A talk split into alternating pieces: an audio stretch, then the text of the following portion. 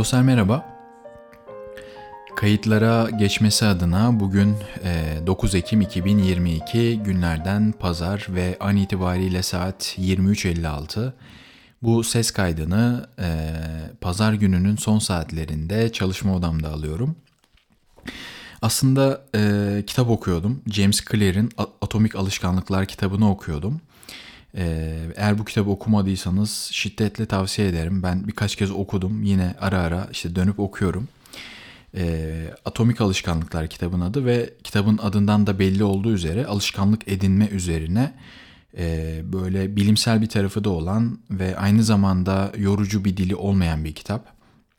James Clear'ın çok güzel bir blogu da var. Onu da tavsiye et, e, takip etmenizi tavsiye ederim. E, okuduğum bölümde e, aslında nicelik ve nitelikle alakalı bir bölüm vardı. E, orayı okuyordum ve bu bölümü aslında kayıt altına da alıp e, sizlerle paylaşabilirim diye düşündüm. Çünkü gerçekten güzel ve önemli bir konuya değiniyor. E, bu bölümde ondan bahsedeceğim.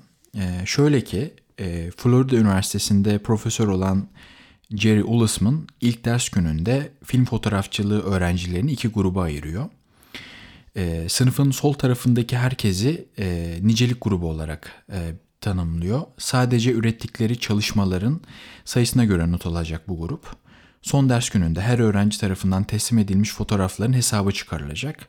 İşte 100 fotoğraf A, 90 fotoğraf B, 80 fotoğraf C alacak gibi bir e, puanlama sistematiği var. E, bu sırada sınıfın sağ tarafındaki herkesi de nitelik grubuna e, atıyor. Sadece çalışmalarının kalitesine göre not alacak bu grupta. Dönem boyunca tek bir fotoğraf ortaya koyacaklar ama A almaları için neredeyse kusursuz bir imge e, yakalamaları ve bunu resme dökmeleri gerekiyor.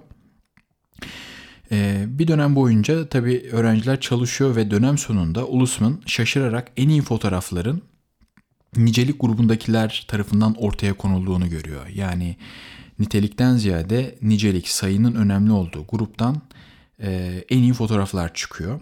Bu öğrenciler dönemi fotoğraf çekerek, kompozisyon ve ışıkla deneyler yaparak, karanlık odada çeşitli yöntemleri deneyerek ve hatalarından ders alarak geçiriyorlar. Yüzlerce fotoğraf yaratma sürecinde beceriler, becerilerini biliyorlar, bileniyorlar. Bu sırada nitelik grubu da kusursuzluk konusunda takıntılık yapmakla meşgul bir süreç geçiriyor. Ee, sonunda ellerinde çabalarını gösterebilmeleri açısından sadece doğrulanmış kuramlar ve bir adet vasat bir fotoğraf dışında çok da bir şey kalmıyor o grupta.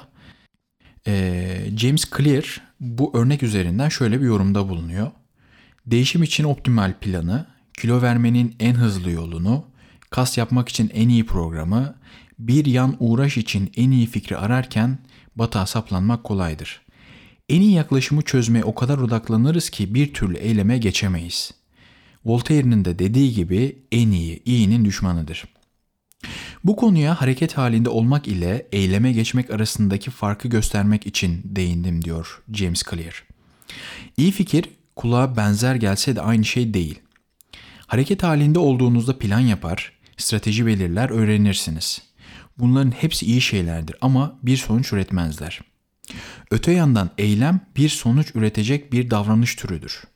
Yazmak istediğim makaleler için 20 fikir sıralıyorsam bu harekettir. Gerçekten oturup makale yazmamsa eylemdir. Daha iyi bir diyet planı aramam, konu hakkında bir kitap aramam harekettir ama gerçekten sağlıklı bir öğün yemem eylemdir. Bazen hareket faydalıdır ama hiçbir zaman tek başına bir sonuç üretmez. Bir özel antrenörle koşmaya kaç gittiğinizin bir önemi çok da yoktur. Bu hareket sizi forma sokmaz. Sadece egzersiz yapma eylemi size elde etmek istediğiniz sonucu sağlar diyor James Clear. Hareket sonuca yol açmıyorsa onu neden yapıyoruz pekala? Bazen gerçekten planlamamız ve daha fazla öğrenmemiz gerektiği için yapıyoruz şüphesiz. Ama daha çok başarısızlık riskine düşmeden ilerleme kaydettiğimizi hissetmemize olanak sağladığı için yapıyoruz. Bakın burası önemli. Tekrar okuyacağım. Bazen gerçekten planlamamız ve daha fazla öğrenmemiz gerektiği için yapıyoruz ama daha çok başarısızlık riskine düşmeden ilerleme kaydettiğimizi hissetmemize olanak sağladığı için yapıyoruz diyor. Yani aslında kendimizi kandırıyoruz belki de. Yani muhtemelen şunu yaşamışsınızdır. üniversitede okuyorsanız veya e, eğitim hayatınızın belli dönemlerinde veya iş hayatınızda da yani önemli bir şey yapmanız gerekiyordur.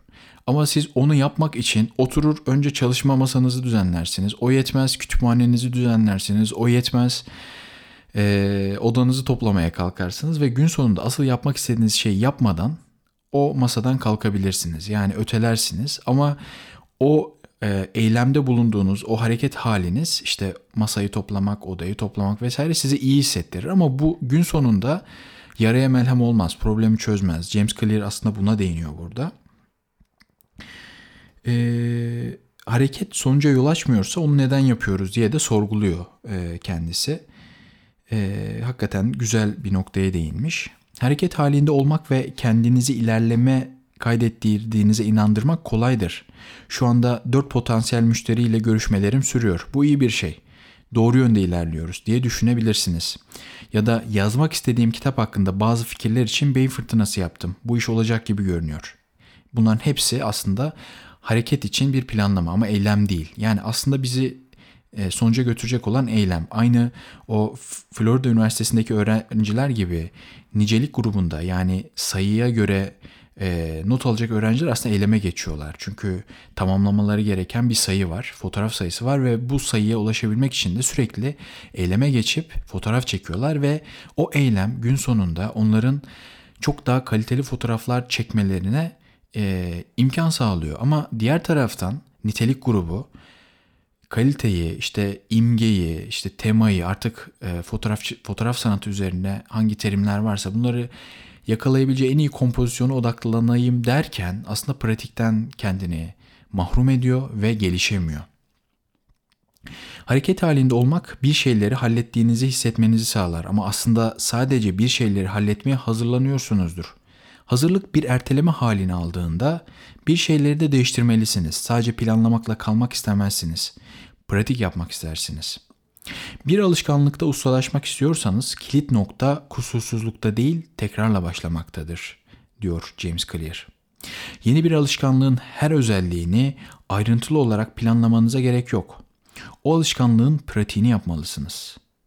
Yapmanız gereken alışkanlığı tekrarlamaktır diyor James Clear. Görüşmek dileğiyle.